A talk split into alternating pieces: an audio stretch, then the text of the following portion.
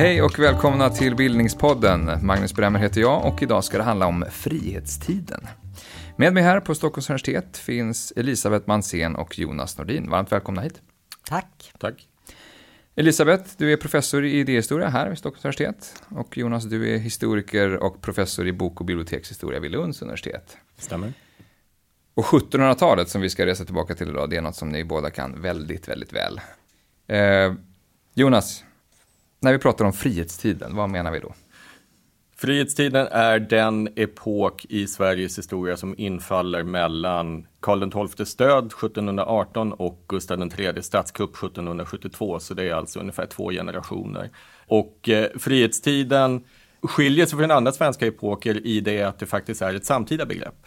Under 1600-talet så visste man inte att man levde under stormaktstiden och under eh, eh Gustavians tid så visste man inte att det var den gustavianska eran. Men frihetstiden det är faktiskt ett begrepp som används i samtiden. Länge så talar man då om eh, denna era av frihet eller sådana saker. Men senast från 1755 så dyker också substantivet frihetstiden upp. Och då syftar och, man på frihet från det, kungamakt? Precis, frihetsbegreppet förändrar karaktär under den här tiden. I sin ursprungliga form så handlar det alltså om frihet från envälde. Men med tiden så blir det här också ett mycket mer sofistikerat frihetsbegrepp där man även då börjar tala om civila rättigheter och annat sånt och lägger in det under frihetsbegreppet. Mm. Eh, men det, det, är, det är egentligen det mest karaktäristiska, det är ju det att Sverige i praktiken har en republikansk konstitution men att man ändå har en kung i statsledningen. Men den politiska makten överförs i första skedet till eh, riksrådet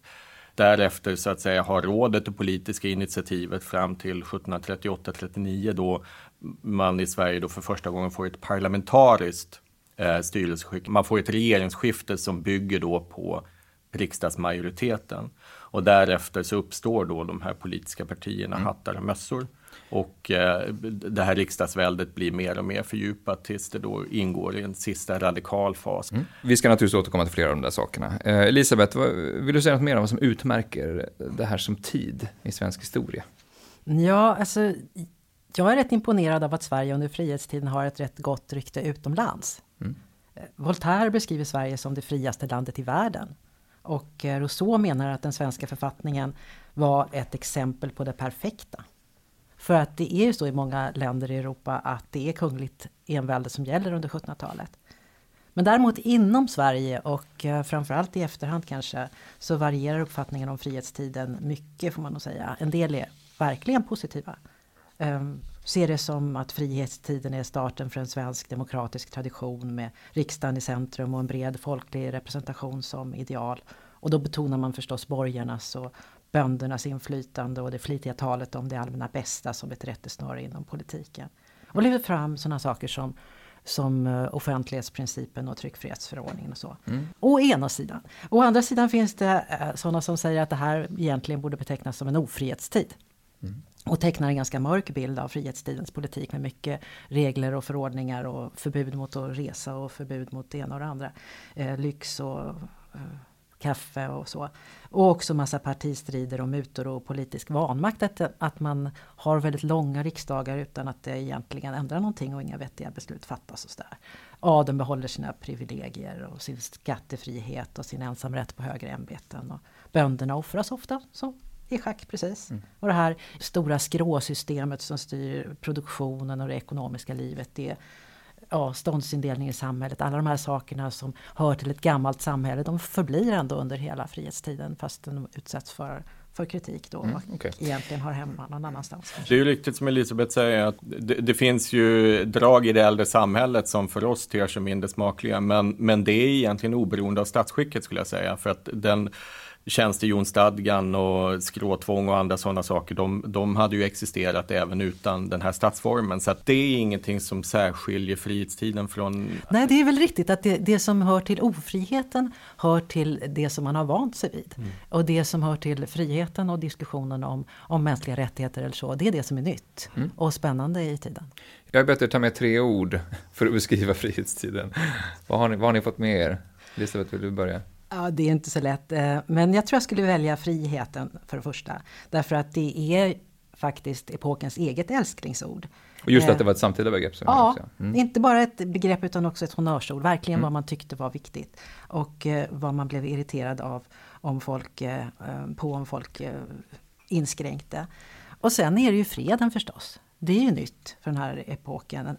Och det är svårt för landet att få det att fungera i, i både så att säga nationalekonomiskt och, och i samhället i övrigt. Och det är alldeles uppenbart ganska snart och vid flera tillfällen att krig inte längre är lösningen, vilket det hade varit tidigare. Och freden öppnar för många andra möjligheter. Och det öppnar också för, tänker jag, jag väljer det också för att det sätter fokus på vardagslivet och sånt som intresserar mig. Mm. Eh, som idéhistoriker så vill jag gärna veta hur folk uppfattade sin verklighet. Eh, ja, allra helst hur de kände sig när de vaknade på morgonen och vad de såg omkring sig. Och vad de drack och vad de tänkte och kände och trodde och läste och så. Eh, så ska det vara tre också. Eh, förändring tror jag var det. Därför att det, mitt intryck är i alla fall att det är först nu som man på allvar börjar hoppas på att förändring leder till någonting gott.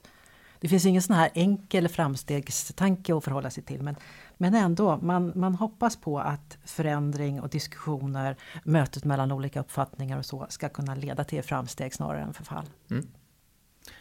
Jonas?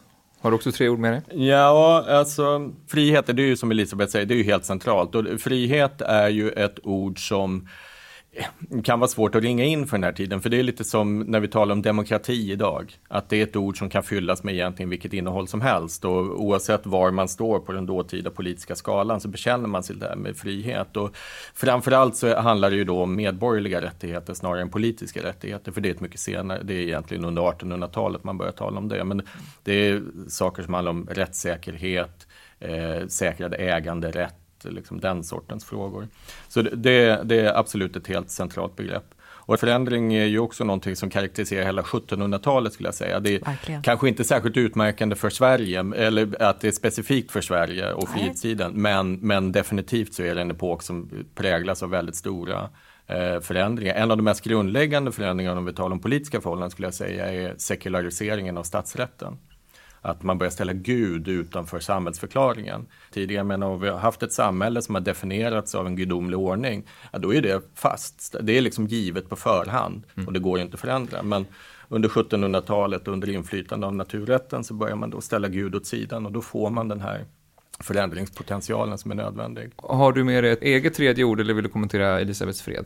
Jag skulle väl säga att republikanism är väl ett ord som jag skulle välja. Eh, och det är ju republikanism i 1700-talets mening, det vill säga inte att man har ett valt statsöverhuvud utan att man har någon form av folkrepresentation som väger upp den, den eh, eh egentliga statsmakten som är ju kungamakten. Men, men däremot, jag håller inte riktigt med om det där med freden därför att Eh, man ska komma ihåg att Sverige trots allt eh, är inblandat i två krig under fredstiden och bägge är anfallskrig.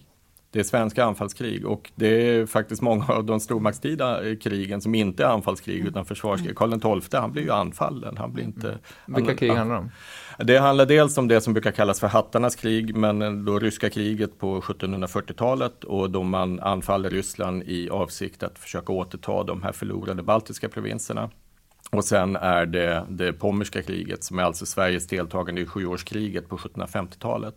Tanken är att man ska eh, ja, ta tillbaka en del av de förlorade provinserna i Tyskland eh, och återta lite av Sveriges kontinentala inflytande. Okay, så inte helt och hållet fri, Nej, för saken är det, det är egentligen bara två krig som då inleds, men statsledningen drivs under väldigt stor del av den här perioden av den här tanken på att man måste eh, återta de förlorade eh, besittningarna från stormaktstiden. Men man har inte alltid riktigt kapaciteten till det här. Okej, okay. ja, men det kan vi återkomma till. Eh, eh kort kommentar från ja, Elisabeth. Jag håller ju helt med eh, kriget och freden så är det ju absolut som eh, Jonas säger att vi har två anfallskrig där. Men poängen som jag har är att den, de misslyckas.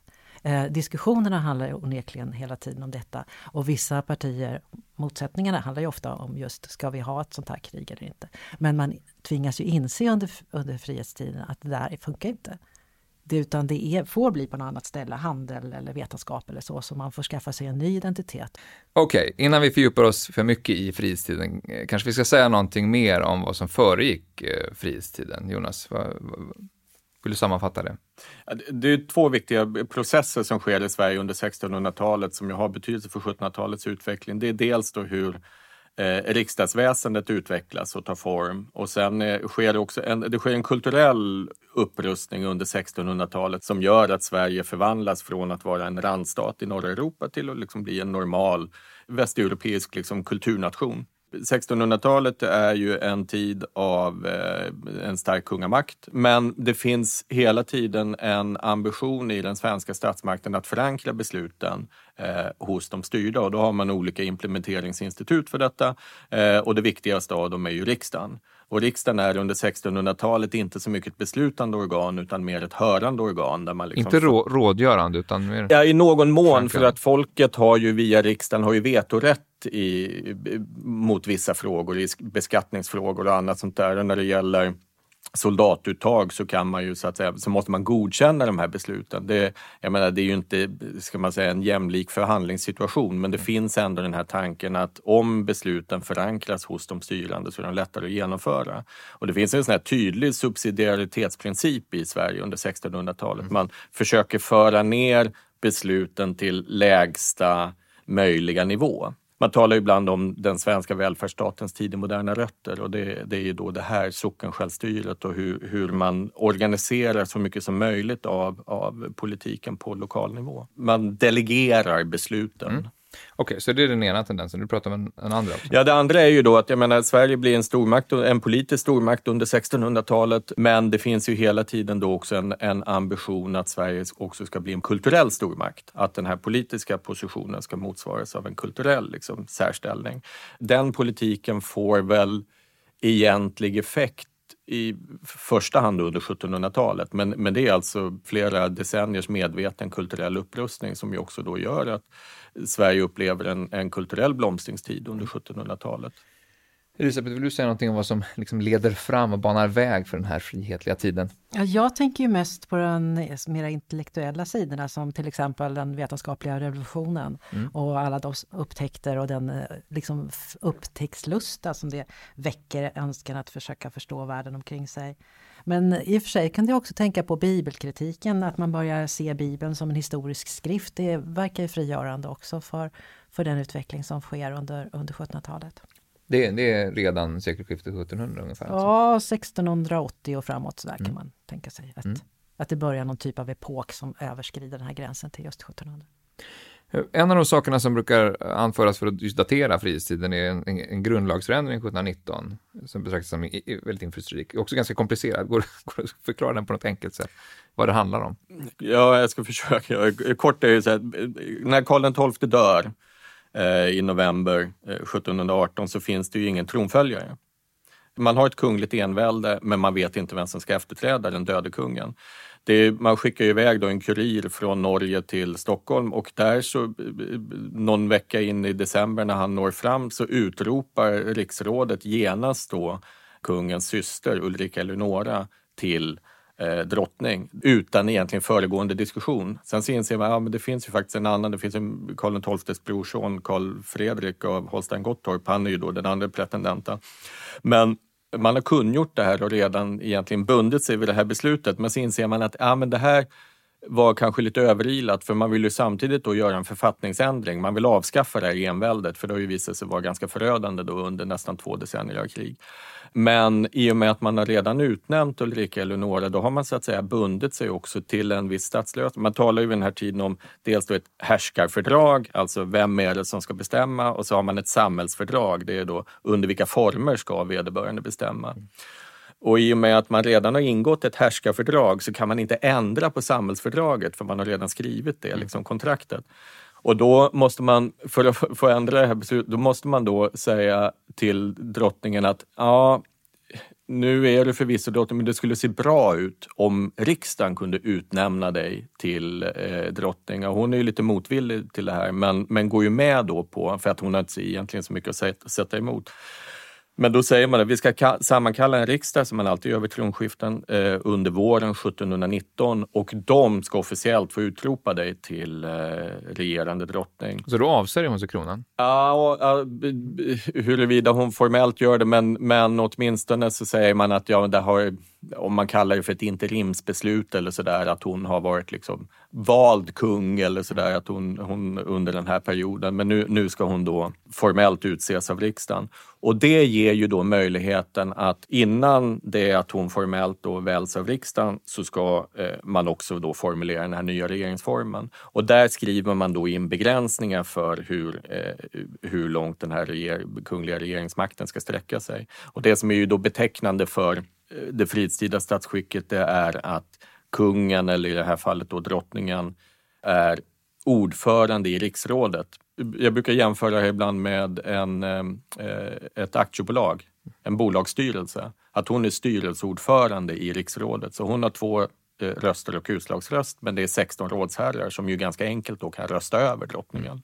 Så redan här destabiliseras kungamakten kan man säga? Ja, man tänker sig ju då när man formulerar den här eh, regeringsformen 1719 att det här ska vara ett sätt att kontrollera kungamakten, men man inser ju inte att man ger ganska mycket makt åt, reger alltså åt riksrådet som ju är den egentliga regeringen. Och det är ju det som det sen tar ett par decennier innan det stabiliserar sig. Hur ska man utse de här rådsherrarna som ju nu då egentligen har blivit den verkliga regeringsmakten? Mm. Kort efter det här så, så tillkom vad, vad, som ibland kallas för Sveriges första politiska partier, hattar och mössor. Mm. Förklara, hur kom det sig? Ja, men den här regeringsformen 1719, den, den, man får möjlighet att revidera den 1720 eh, när Ulrika Eleonora abdikerar och lämnar över tronen till sin man eh, Fredrik den första. Eh, och sen är det 1720 års regeringsform som gäller under resten av den här tiden. Men under 1720-talet så måste den här kampen mellan riksrådet och kungamakten, deras kompetensområde måste utkristalliseras och där vinner ju då riksrådet så småningom i den här riksdagen 1726-27. Men sen så dröjer ytterligare ett decennium fram till 1738-39 och då är första gången som det sker en, en byte av ministär beroende då på riksdagsmajoriteten. Arvid Horn som har varit kanslipresident, alltså det, man kallar det för premiärminister ibland i samtiden, men han är ju då den egentliga, regeringens egentliga ordförande. Han avsätts eller då licensieras under riksdagen 1738-39 och då börjar den riksdagsmajoritet som avsatt honom tala om det så långt regerande eh, partiet, börjar man kalla dem för nattmössor. Mm. Nedsättande alltså? Ja, och det är väl en form av spegling i det här att ja, men om nattmössorna är de som inte riktigt hänger med i sin tids strömningar så är ju då eh, så i, i, kontrast till dem så blir det då hattarna som tar över. Eh, och det är ju då en mer lite mer manlig symbol, så att säga, politisk symbol. Och det här blir sen de politiska partierna som blir allt mer stabiliserade under resten av tiden, mm. hattar och mössor. Okej, okay. bara ge en kort karaktäristik av vad de här två partierna står för. I första hand så definieras de av utrikespolitiken men så småningom så får de också olika syn på hur man ska bedriva den ekonomiska politiken och många andra frågor också. Mot slutet av fritiden blir mössorna liksom det radikala partiet medan hattarna blir det mer konservativa partiet. Finns det inget frö till det i den här tidigare historien?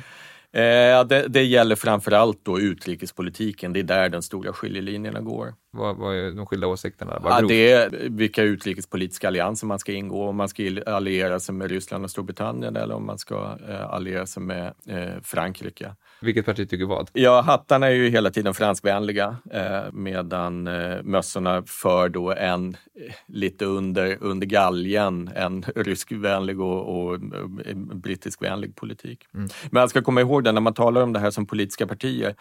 Det bästa sättet att förstå det här det är egentligen att titta på USA. Alltså idag. I Förenta Staterna har man ju fortfarande idag alltså ett, ett politiskt system som i, i allt väsentligt är präglat av 1700-talet. Och där har man ju inte politiska partier i den mening som vi ser i Västeuropa med partipiska och liksom en tydlig, eh, tydlig partilinje, utan det är ju slags val förbund. Man, man, man går samman inför olika valprocesser och sådär men i övrigt är det ganska löst sammanhållna politiska grupperingar. Och så är det ju med de här politiska partierna under 1700-talet också. också.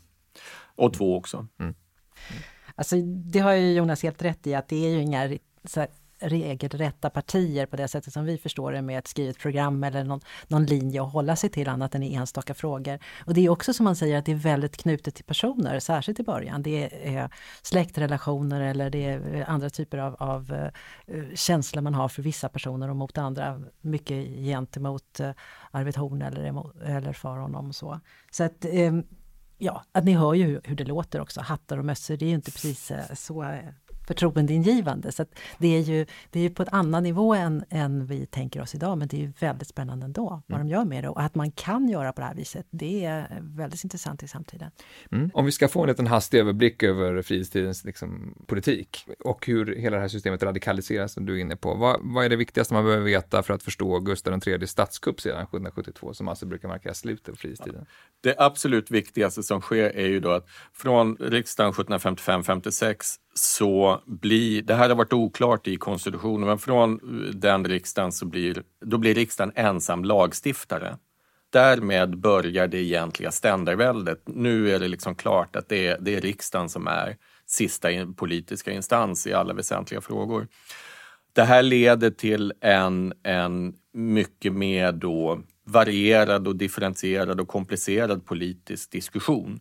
Och i mitten av 1760-talet så kommer också då tryckfrihetsförordningen och det, här, det sker en väldigt snabb radikalisering. Och man börjar tala väldigt mycket om stärkta civila rättigheter och man börjar tala om den här abnormiteten, att man har ståndsprivilegier. Att vissa, framförallt då adeln, har företräden som inte andra medborgare kan ta del av. Och man börjar angripa de här ståndsprivilegierna på punkt efter punkt. Tidigare så har adeln stått i ständig opposition mot kungamakten.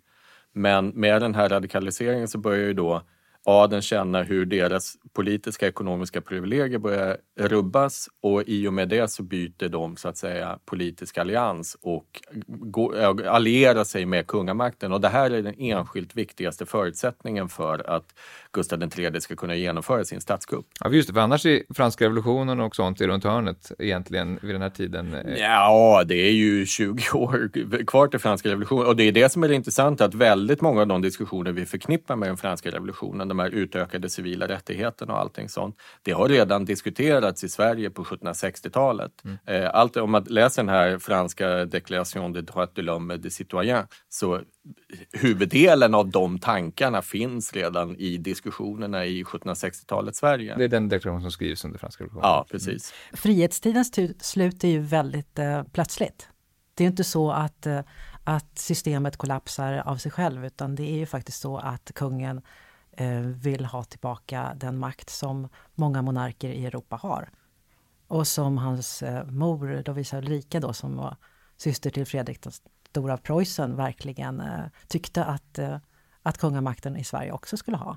Ja, det var ju rent av ovanligt vid den här tiden att ha så lite makt som den svenska kungen Absolut. Eh, och eh, det säger mycket om hans eh, position att han lyckas genomföra en, en oblodig revolution sådär. Men det är ju inte så att säga hattarnas och mössornas fel i grunden, tycker jag inte.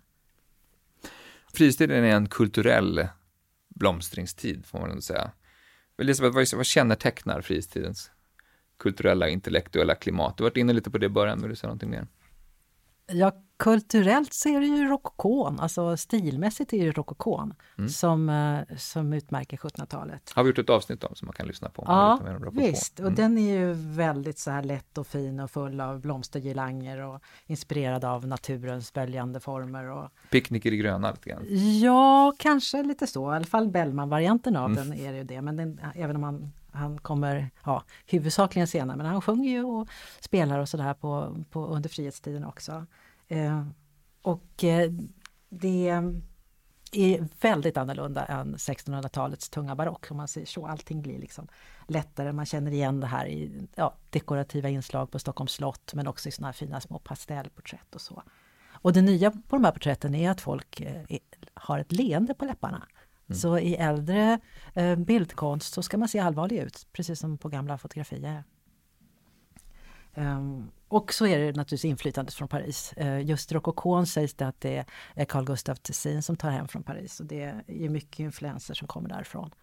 Um, onekligen. Mm. Och det syns i möbler, inredning i och sådär. Det är Sveriges första möbelaffär etableras i Stockholm mitten mm. på 1700-talet till exempel. De här gula herrgårdarna är, som man ser på landsbygden fortfarande, det är typiskt 1700-tal. Teaterlivet blir också livligare när krigen tar slut och man kan, man kan resa på ett friare sätt. Det kan komma konstnärer och, och uh, musiker och så till, till Sverige och vi kan skicka ut våra, våra arkitekter och konstnärer ute i Europa också. Mm.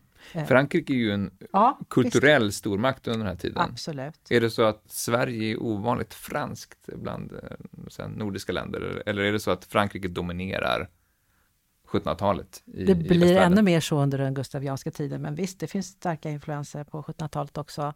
Särskilt när det inte finns några krig i Sverige och adeln och militärerna vill göra karriär så måste de ju göra det någon annanstans för att kunna utmärka sig och då mm.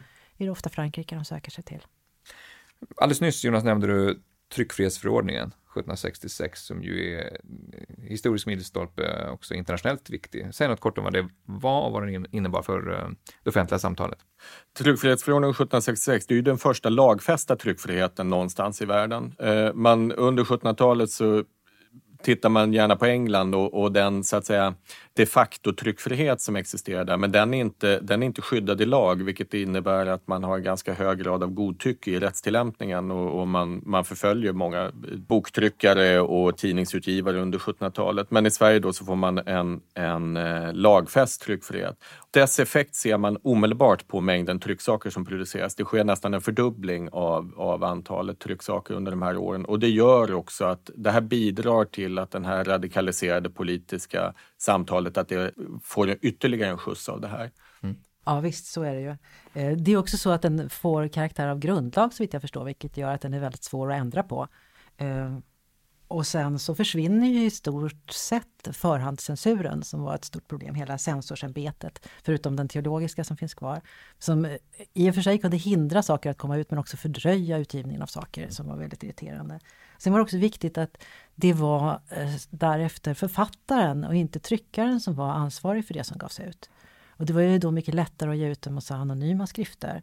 Eh, och då riskerade inte tryckaren att hamna i fängelse eller få massa böter eh, mm. i första hand. Så det var ju lättare att få ut de här skrifterna. man hade en väldigt stark respekt för anonymiteten ska jag säga. Anonyma skrifter var verkligen inte fult på 1700-talet.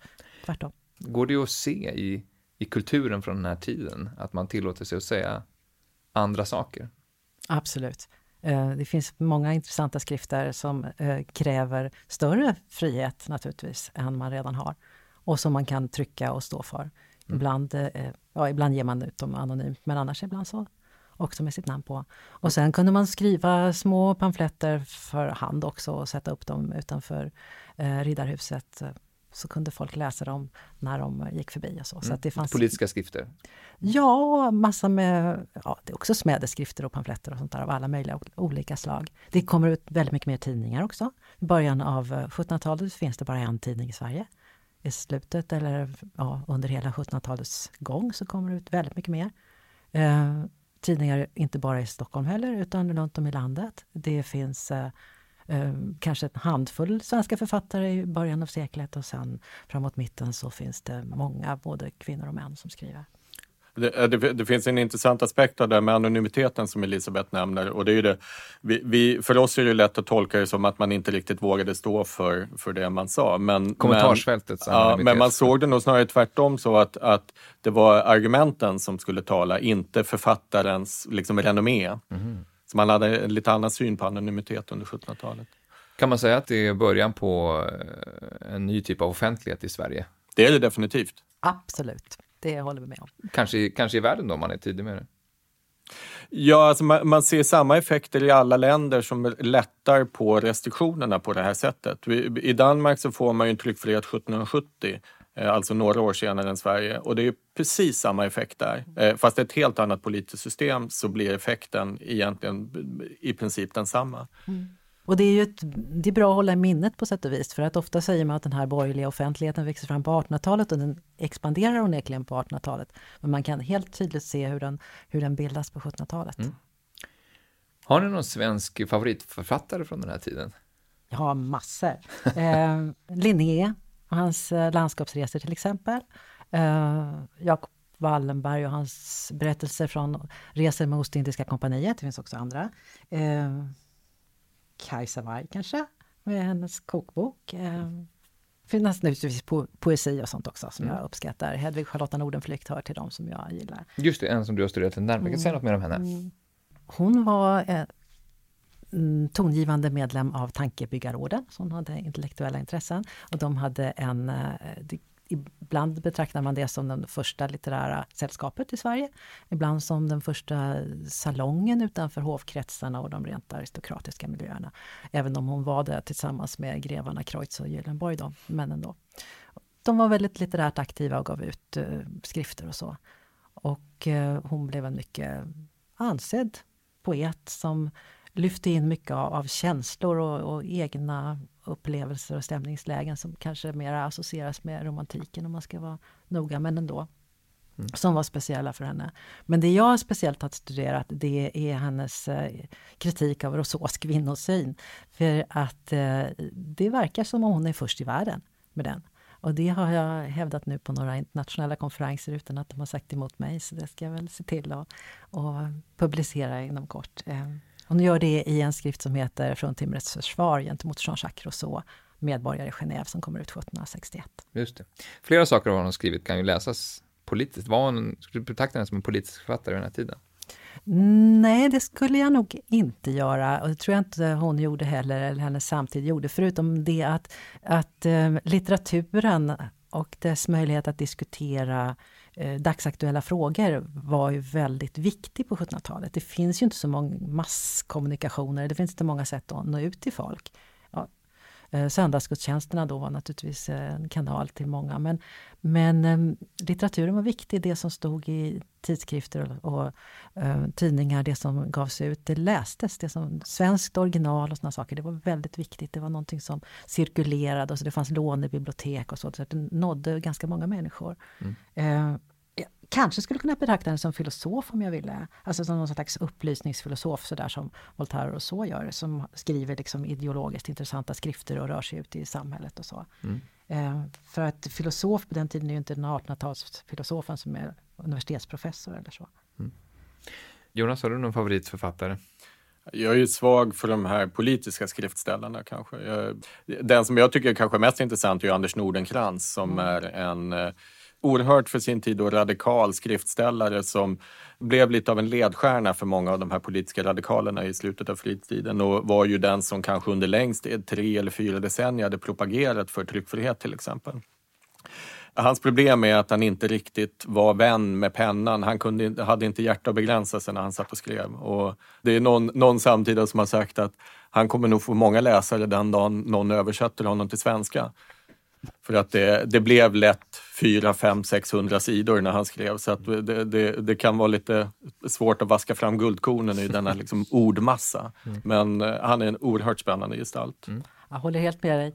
Eh, men jag skulle vilja lägga till Peter Forsgård. Ja, eh, han absolut. har skrivit en väldigt liten skrift, lättläst och fin, som heter Tankar om borgerliga friheten som kom 1759. Mm. Ja, det intressanta med Peter Forsgård och Nordenkrans just som eh, han hamnar i en, i en process för det här för att det, den, den var ju utgiven med vederbörlig censur men han blir ändå då eh, så att säga hamnar, hamnar i en rättsprocess för det här. Och, eh, och, han försvarar sig då med att säga att ja, men jag har inte sagt någonting i den här pamfletten som inte har sagts av andra skriftställare tidigare. Och då så svarar man då kanslipresidenten Anders Johan von Höpkens och säger jo det är förvisso riktigt men då har det skrivits i tjocka volymer som bara läses av de lärda. Och han syftar helt garanterat på Nordenkrans med den meningen. För att ingen orkar läsa Nordenkrans, men den här pamfletten på 16 sidor, den kan vem som helst ta till sig. Ja, det är en favorit verkligen. Uh, och det är ju radikala upplysningsidéer som han ja. uh, för fram i den här skriften. Mm.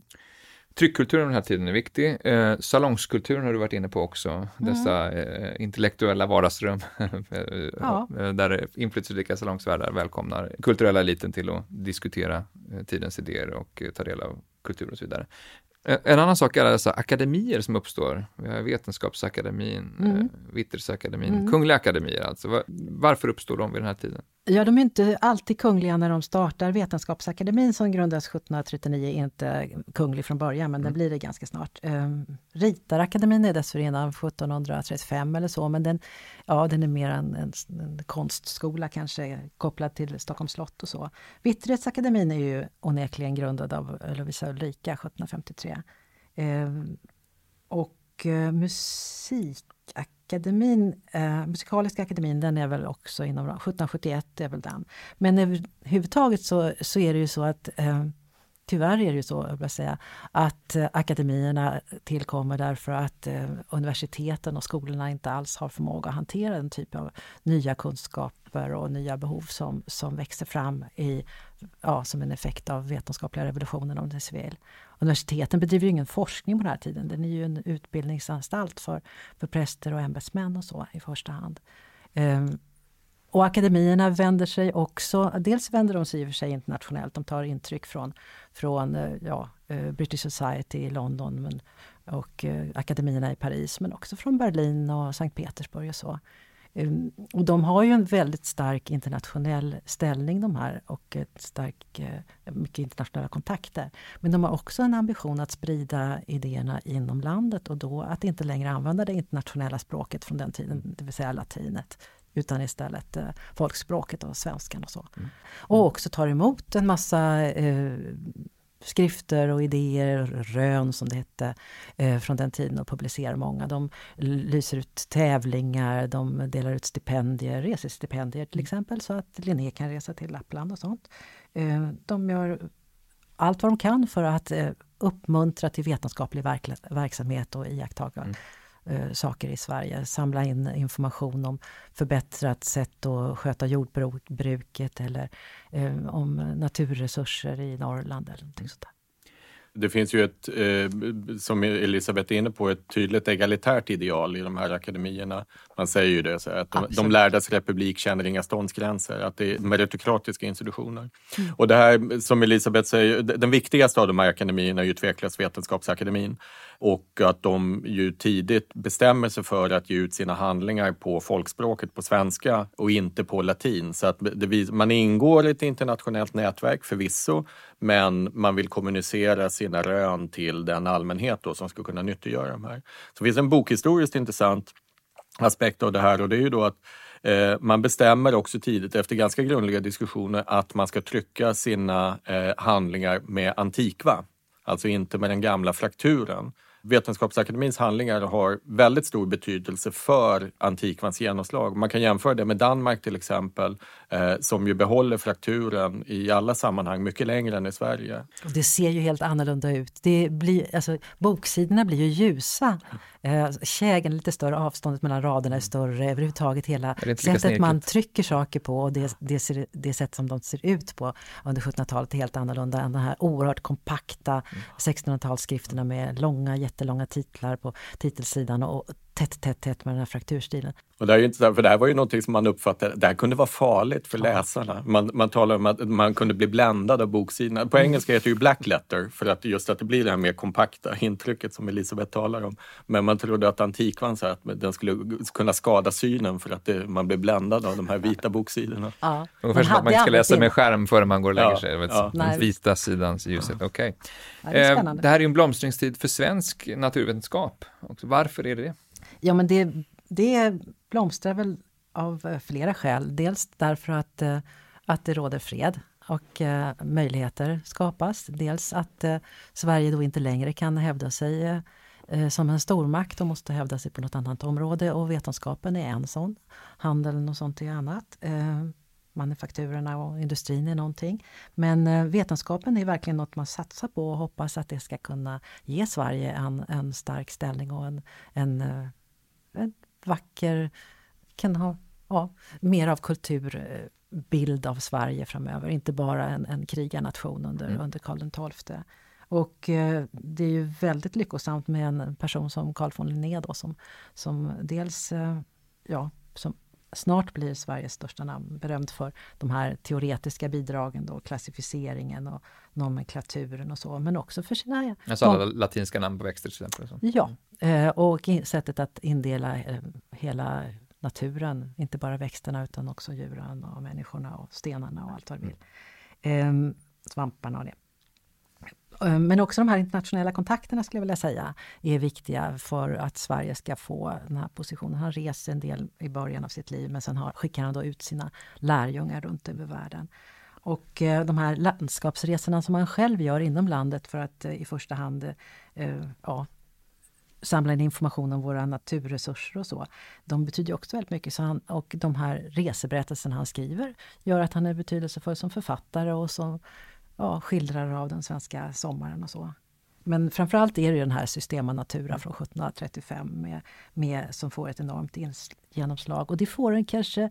Dels är den naturligtvis vetenskapligt högstående i någon mening men framförallt är den väldigt pedagogiskt framställd och den har eh, den gör det väldigt enkelt att bestämma växterna. Det här ja, det är ju roligt att han väljer sexualsystemet men man behöver egentligen bara ett, ett eh, förstoringsglas och sina egna ögon för att kunna eh, följa systemet. Mm. Och eh, internationellt är det mycket värt bara man använder samma system eftersom det är internationella kontakter man bygger på väldigt mycket.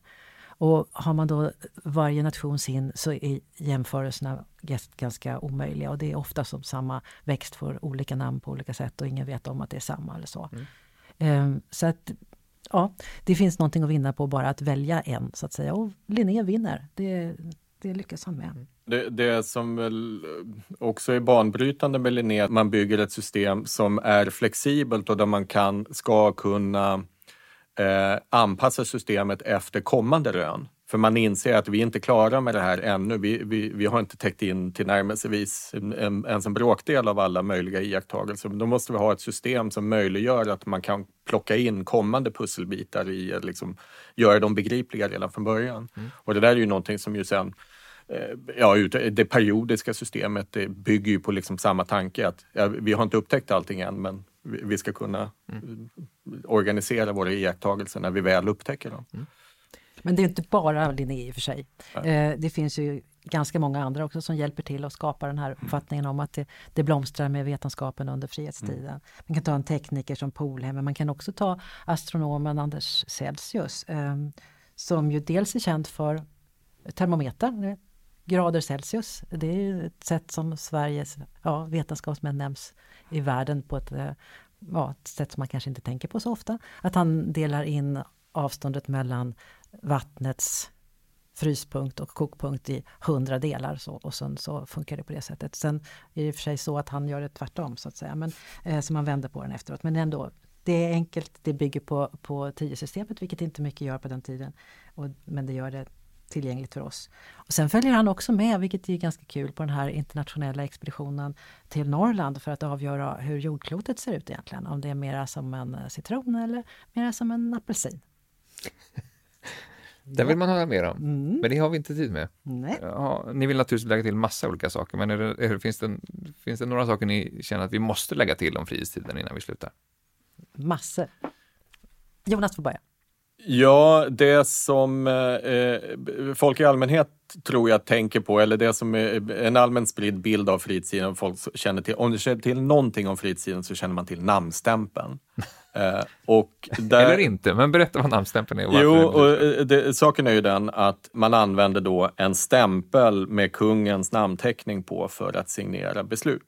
Men det här är inte som det väl ofta framställs som ett sätt att, att liksom göra kungen överflödig. Utan det här införs från början på kungens egen begäran och det handlar egentligen om att eh, han ska slippa massa rutinmässigt undertecknande. Det är Fredrik den förste som begär att ja, ska man skicka ett, ett eh, brev till Sveriges, vad det nu är, 28 landshövdingar eller vad de eh, är, så istället för att han ska sitta och skriva under alla de här, då, ja, då undertecknar han det första brevet och så stämplar man de övriga. Det, så småningom så blir det istället då att man får en beslutslista att alla de här besluten har, har eh, kungen godkänt och då så undertecknar den listan och sen så kan man då stämpla de här besluten. Och det här sker under väldigt kontrollerade eh, former. Det är ändå en utspridning av kungen och en ja, mekanisering för, av kungen på ett sätt. Ja, men det, det, det, man har, inspirationen kommer från Frankrike. För så här har den franska kungen arbetat. Så det, fungerar även i enväldet så att säga. Det är för att kungen ska spara sin högra hand om man säger. Men det finns en, en finess då i regeringsformen och det är som vi varit inne på tidigare att kungen är ju egentligen bara styrelseordförande i riksrådet, så att säga. Eh, och han överröstas ju av, han kan ju överröstas av rådsmajoriteten, men beslutet vinner fortfarande, kan inte vinna lagerkraft utan den kungliga signaturen. Men det är ju majoritetsbeslut som gäller i rådet. Så att det finns ju då utrymme i eh, Kungen är ju då skyldig att följa eh, rådsmajoriteten och när han då i vissa fall eh, vägrar underteckna ett rådsbeslut, ja men då går ju hela statsapparaten i baklås. Mm. Och i de fallen så beslutar man sig för att ja, men har ett beslut lagligen eh, godtagits av rådsmajoriteten då kan man inte det här låta ligga och vänta i, i, i väntan på att kungen ska underteckna och det. Praktiskt att och då tar man till namnstämpeln. Mm. Det finns en forskare som har räknat på, han har räknat ett år 1767 så räknar man med att det är ungefär 800 beslut som utfärdas med namnstämpel och av dem så är det maximalt ett tiotal som fattas eh, mot kungens vilja. Man brukar säga att ja, det här visar hur överflödig kungamakten är. På ett sätt så visar det faktiskt på det motsatta därför att eh, eh, regeringsformen ger utrymme för att man fattar beslut utan kunglig signatur. Men man anser den ändå vara så pass väsentlig att man kan använda stämpeln istället. Så på ett sätt så är det faktiskt ett bevis på att, på att kung, kungen trots allt fyller en viktig funktion i det här statssystemet. Okay. Men ändå en symbol för fristiden uppenbarligen. Vad, eh, om mm. du har en, en sak Elisabeth? De du... saker som jag tänker på att vi borde ha tänkt på att nämna, eller för att jag borde ha tänkt på att nämna, är den omfattande läskunnighet som finns i landet. Eh, det utmärker Sverige internationellt och det är väldigt grundläggande och värdefullt för den utveckling som sker. Så det tycker jag är det kanske viktigaste. Sen är det väl också det att eh, befolkningsstatistiken är någonting, att vi har en så gammal befolkningsstatistik från 1749 och framåt i och med tabellverkets inrättande. Det är mm. också unikt i, internationellt och någonting som, som utmärker uh, frihetstiden. Och Sverige och, älskar ju statistik, det börjar här någonstans. Visst, det börjar absolut här. En annan sak som börjar här och som är värdefullt särskilt nu för tiden är att vi har en oerhört lång serie av klimatobservationer. Alltså meteorologerna har eh, samlat på detta sedan eh, frihetstiden om ni så vill. Mm. Så det är väldigt viktigt. Sen tycker jag kanske att vi har pratat för lite om, eller jag har i alla fall pratat för lite om bönderna. De här skiftesreformerna som ändrar hela landskapet så småningom. Eh, men i alla fall börjar att ändra det i Skåne och så. Det, de börjar med storskiftet 1757, så det tycker jag är viktigt. Jag tycker också att vi borde nämna att vi anpassar oss internationellt eh, 1753 genom att helt och hållet ändra vår tidräkning. Eh, och vi förlorar liksom 11 dagar på det i februari-mars. Men mm. det, det, gör ju inte alla länder hela tiden. Utan vi, men vi anpassar oss för att det ska kunna fungera bättre med handel och sånt där. Och om nu eh, Jonas väljer eh, namnstämpeln som sin, eh, sin 1700-talssymbol eller, eller föremål så skulle jag välja kritpiporna tror jag. Eh, därför att det finns så oerhört många av dem i nästan alla människors händer, både män och kvinnor. Och det är ganska märkligt att tänka sig att man eh, på 1700-talet utfärdar eh, förordningar om att alla städer måste odla tobak. Det är inte för att man tycker det här är alltså ett rökdon av något slag? Kritpipor är såna här, det ligger hur många som helst, du kan nästan gräva var du vill så hittar du, om du gräver ner till, till 1700-talet, kritpipor, för de var inte så långlivade. De är såna här vita böjda saker med, som man kan röka tobak. Mm. Uppenbarligen händer det mycket under den här tiden som präglar vår, vår egen tid. Eh, finns det någonting från fristiden som vi borde bejaka mer i vår egen tid? Alltså jag skulle i så fall gå tillbaka till de här tre orden som jag valde från början. Att uh, friheten är viktig att eh, freden är värd att bevara och att eh, förändring är problematiskt att förhålla sig till men oerhört viktigt. Eh, både då och nu. Mm. En sån här portalgestalt i forsk forskningen om frihetstiden är statsvetaren Fredrik Lagerroth som avled på 70-talet, men han ägnade stora delar av sin forskargärning åt att studera frihetstiden och han hade en ganska underbar formulering när han säger att han, han gillade frihetstiden som rationell princip mer än som empirisk erfarenhet. Okay. Det vill säga, han, han menar att den innehöll liksom ett löfte om någonting stort som kanske inte alltid realiserades i verkligheten. Men att den, det, det, det fanns verkligt storslagna idéer där eh, som för sin tid var, var väldigt speciella. Och det, eh, jag kan dela det mm. omdömet. Sådana kan vi behöva även i vår egen tid. Jag tackar Jonas Nordin, Elisabeth Mansén för att ni ville vara med i Bildningspodden. Tack själv. Tack. Lyssna kapp under sommaren på eh, avsnitt i vår bank. Vi kommer också sända repriser i vår kanal. Och så är vi tillbaka till hösten med nya avsnitt. Tack och hej! Du har lyssnat på Bildningspodden, en del av bildningsmagasinet Anekdot. Podden spelas in på Språkstudion och ljudproducent är Kristin Eriksdotter Nordgren. Fler poddar, filmer och essäer hittar du på anekdot.se.